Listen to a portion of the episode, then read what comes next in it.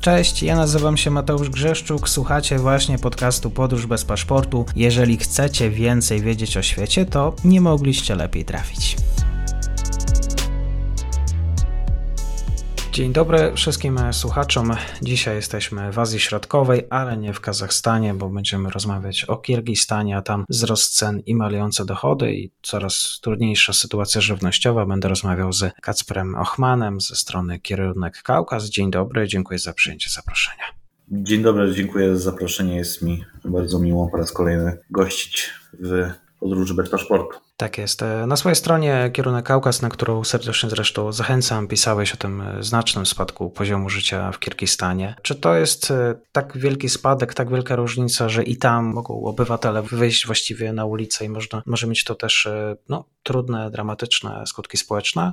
Nie można tego wykluczyć, ponieważ Kirgistan jest takim państwem, którym średnio co 3 do 5 lat musi dojść do gwałtownych zamieszek, które potem przeradzają się w przewrót. Najczęściej temu towarzyszą wybory parlamentarne, prezydenckie. Z jednej strony na szczęście dla Kirgizów już te wybory prezydenckie, parlamentarne były, więc tutaj to ryzyko jest mniejsze. Natomiast tak, generalnie nie można wykluczyć takiej możliwości, że ta sytuacja może ewoluować w poważniejsze zamieszki, protesty. Nie sądzę, żeby jednak miałoby dojść do takiej skali protestów, jaka miała miejsce w Kazachstanie, ponieważ tam doszło do dosyć dużych przetasowań na scenie politycznej. Natomiast w Kirgistanie władza ma dosyć silne silną legitymizację, ma silną władzę, co zostało potwierdzone w, w wyborach y, parlamentarnych, które też nie do końca w ocenie obserwatorów one też nie do końca w ocenie obserwatorów były może przejrzyste i transparentne, ale fakt, że nie przyczyniły się do wybuchu poważniejszych protestów,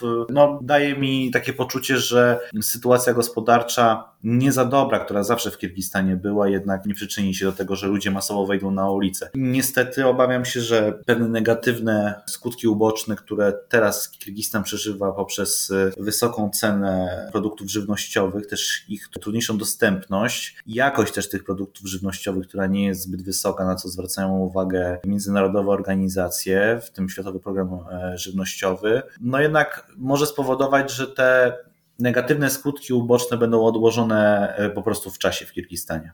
A czy właściwie e, sam Kirgistan jest producentem żywności? Jak w ogóle wygląda z zaspokojeniem? W bardzo, ogranicz, bardzo ograniczonym stopniu. Kirgistan raczej nie jest krajem rolniczym, nie ma tam dużej ilości upraw. Oczywiście owoce w ograniczonym stopniu, warzywa również. Bardziej jako kraj z dużą ilością gór, no to mamy zwierzęta hodowlane. Natomiast duża część takich y, bardzo y, newralgicznych produktów żywnościowych, jak mąka, pszenica, są sprowadzane z, z Rosji i z Kazachstanu. Zresztą Kazachstan jest takim państwem, byśmy powiedzieli, jak Ukraina dla Europy, Europy Środkowo-Wschodniej. To tutaj Kazachstan jest takim państwem jak Ukraina, jeśli chodzi o, o zboża dla Azji Centralnej, bo Kazachstan jest rezerwuarem zbóż y, nie tylko, nie tylko dla Kirgistanu, ale też dla Tadżykistanu, dla Turkmenistanu. Natomiast same problemy w Kirgistanie z, z, z tą żywnością wynikają jakby z jeszcze jednego elementu. Oprócz, oprócz tej skomplikowanej struktury, jeśli chodzi o, o zaspokajanie potrzeb i możliwości, czy to uprawy żywności, czy, tej, czy też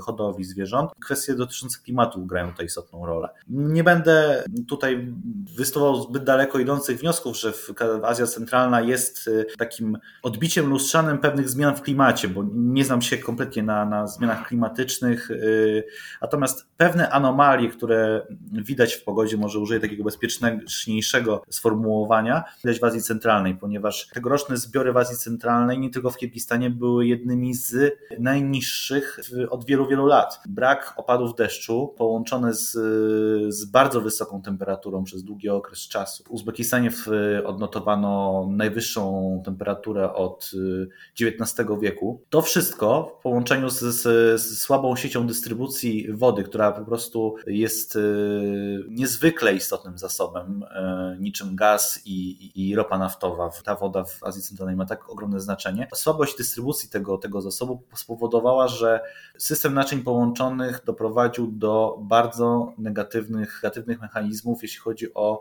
dystrybucję żywności żywności i bezpieczeństwo żywnościowe w Kirgistanie. Jest potężny spadek, potężny spadek, jeśli chodzi o produkty białkowe. To szczególnie w dla najmłodszych obywateli Kirgistanu ma ogromne znaczenie, ponieważ dla nich potem brak tego, brak żelaza, brak białka powoduje, że już na starcie mają trudniejszą, trudniejsze możliwości rozwoju fizycznego. To wszystko powoduje, że w Kirgistanie ten problem z żywnością moim zdaniem będzie cały czas istniał, bo obawiam się, że te anomalie pogodowe nie wystąpiły tylko w tym roku. Zresztą co jakiś czas, co 2-3 lata istnieją te problemy, występują te problemy z, z wodą, one mają przełożenie nie tylko na żywność, ale również na e, elektryczność. Dalej, pomimo ogromnych nakładów pieniędzy, które państwa Azji Centralnej fundują w naprawianie tych sieci przesyłowych, w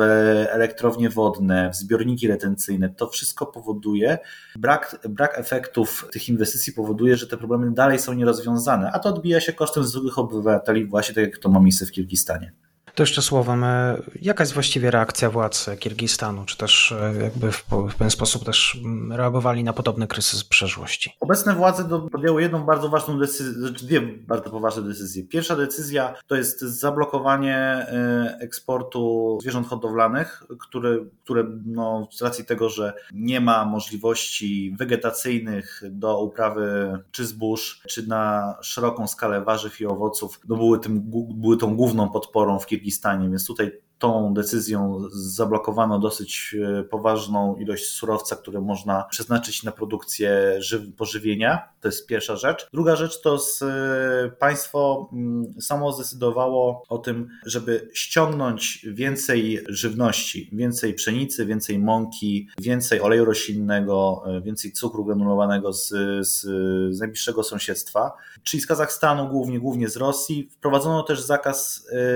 eksportu tej pszenicy, którą tam w Kirgistanie w, w bardzo ograniczonym stopniu jednak uprawiamy, jak również wprowadzono zakaz eksportu ryżu, mąki, oleju roślinnego, cukru, jaj kurzych, czyli po prostu zabezpieczamy to, co my produkujemy w tym stopniu ile możemy. Dodatkowo jest, władze kirgijskie zdecydowały o tym, że zostanie e, zamrożony VAT na produkty importowane, czyli to też ma wpłynąć na to, że ta żywność, której jest stosunkowo niewiele y, lub mogło być niewiele na rynku kirgijskim, nie zdrożeje, albo nie zdrożeje w takim stopniu, żeby naprawdę zubożyć y, dosyć poważnie społeczeństwo lub doprowadzić do tego, że to skrajne ubóstwo będzie rosło w jeszcze większym tempie niż y, rośnie teraz. W 2019 roku oszacowano, że około 45-46% populacji spożywało mniej niż 2100 kilokalorii dziennie na osobę, a to jest zalecane minimalne spożycie. Około 48-50% populacji też nie mogło sobie pozwolić na taką pełnowartościową dietę i to wynikało jakby z tych uwarunkowań, o których y, mówiłem wcześniej. Więc władze podejmują takie dosyć y, rozpaczliwe kroki, to może za duże słowo, ale bardzo mocne i zdecydowane działania, żeby nie przyczynić się do jeszcze, jeszcze większego skrajnego ubóstwa, no bo też musimy postawić się na miejscu takiego przeciętnego Kirgiza, który nie zarabia zbyt dużo pieniędzy, a który spotyka się z sytuacją, że idzie na, na targ w Dżalabadzie, w Biszkeku czy w Oszu, widzi rosnące ceny, bo no, inflacja jest y, zjawiskiem globalnym. Nie, tylko, nie dotyczy tylko Europy, dotyczy, dotyczy, dotyczy też Azji Centralnej. A w połączeniu z, mm, z tymi negatywnymi skutkami, czyli suszą, z niskimi plonami, globalnym zjawiskiem inflacji, to powoduje, że ten Kirgiz może za te same pieniądze lub nawet mniejsze bo jeszcze w ich y, uderza pandemia, kupić mniej. Więc tutaj te, te kroki pod tytułem zapewnienie przynajmniej tego bezpieczeństwa, żeby nam tej żywności nie zabrakło, czyli ściąganie żywności z zagranicy, blokowanie eksportu własnych produktów plus zamrożenie VAT-u na importowaną żywność ma, przyczyn, ma poskutkować tym, żeby przynajmniej nie doprowadzić do klęski głodu lub pogłębienia się tego skrajnego ubóstwa. Na ile to wystarczy? Informacji, które śledzę na bieżąco i które widzę, to tego głodu w Kirgistanie nie ma, natomiast ta sytuacja jest bardzo, bardzo trudna. To jest, wydaje mi się, od czasów niepodległości jedna z naprawdę cięższych zim dla y, mieszkańców Kirgistanu. W przypadku rzeczywiście, kiedy tego jedzenia jest mniej, y, no to zagraża zdecydowanie zdrowiu Kirgizów. Czy kirgiska służba zdrowia należy do jakich właściwie? Myślę, że nie wybiega zbytnio ponadprzeciętną, e, jeśli chodzi o Azję Centralną. Oczywiście pandemia COVID-u spowodowała, że na tą służbę zdrowia skierowano większe środki. Natomiast też miejmy świadomość, że kraj jest bardzo rozbity, jeśli chodzi o dysproporcje względem miasta, prowincja. Oczywiście osoba w mieście, która ma może troszeczkę większe możliwości, nie tylko zarobku, ale też dostępu do wyższej jakości usług medycznych, być może będzie miała lepsze, lepsze możliwości, żeby po pierwsze zadbać o to swoje bezpieczeństwo żywnościowe, a też i zatem, zatem zdrowotne, a być może sytuacja tam na prowincji spowoduje, że ktoś, kto zarabia mniej lub żyje z, żyje z, z tego, że uprawia coś, hoduje. hoduje. Ma hodowlę zwierząt. Natomiast państwo swoimi decyzjami lub generalnie sytuacja na rynku powoduje, że ma trudniejsze, ma gorsze możliwości, słabsze możliwości tego, żeby swój biznes rozwijać lub sytuacje zupełnie niezależne od państwa, od niego samego uderzają w niego samego, powodują, że też ten rejon, w którym mieszka ta prowincja, też się nie rozwija. No bo też pamiętajmy, że, ten, e, że te prowincje w Azji Centralnej rozwijają się nie tylko tymi nakładami, które są kierowane z, z centrali, ale też tym, jak lokalna władza tym zarządza, tymi pieniędzmi, plus to, czy tam jest jakikolwiek rozwój gospodarczy. Odpowiadając najprościej na to pytanie, wydaje mi się, że Kirgistan, pomimo niskiej, niskiej populacji, ma dosyć przyzwoite warunki, jeśli chodzi o walkę z takimi prostymi e, przeciwnościami losu zdrowotnymi, które tam e, życie wiedzie, natomiast to też nie możemy powiedzieć, że jest to bardzo wysoki poziom Państwowej Służby Zdrowia, no bo też Kirgistan jest po prostu państwem biednym. Na swoje możliwości y, krajowe, populacyjne ta służba zdrowia jest mniej lub bardziej wydolna. Z tymi takimi poważniejszymi wyzwaniami, jak jak COVID y, w pomocy, z, w pomocy i we współpracy z, z najbliższym sąsiedztwem, z organizacjami międzynarodowymi, być może jest sobie w stanie poradzić i widać, że ta sytuacja tam mniej lub bardziej jest opanowana też, też społeczeństwo jest troszeczkę bardziej, wydaje mi się, karne, posłuszne wobec różnych restrykcji i obostrzeń, które władza wprowadza. Natomiast też y, to, że radzimy sobie mniej lub lepiej, lepiej lub gorzej z COVID-em, nie odejmuje całej warstwy innych problemów e, zdrowotnych, które e, w Kirgistanie e, są, z którymi ta, ta społeczność, ta populacja się spotyka na co dzień. Dzisiaj na temat coraz gorszej sytuacji żywnościowej w Kirgistanie. Temat ciekawy, mało znany. Moim gościem był Kacper Ochman, kierunek kaukaz.pl. Dziękuję serdecznie za nasze spotkanie. Dziękuję również i do usłyszenia. I to już koniec na dzisiaj. Zapraszam na profil podcastu Podróż bez paszportu na Facebooku, Instagramie i Twitterze. Zachęcam też do wsparcia mojej pracy na serwisie Patronite oraz Buy Coffee. Do usłyszenia.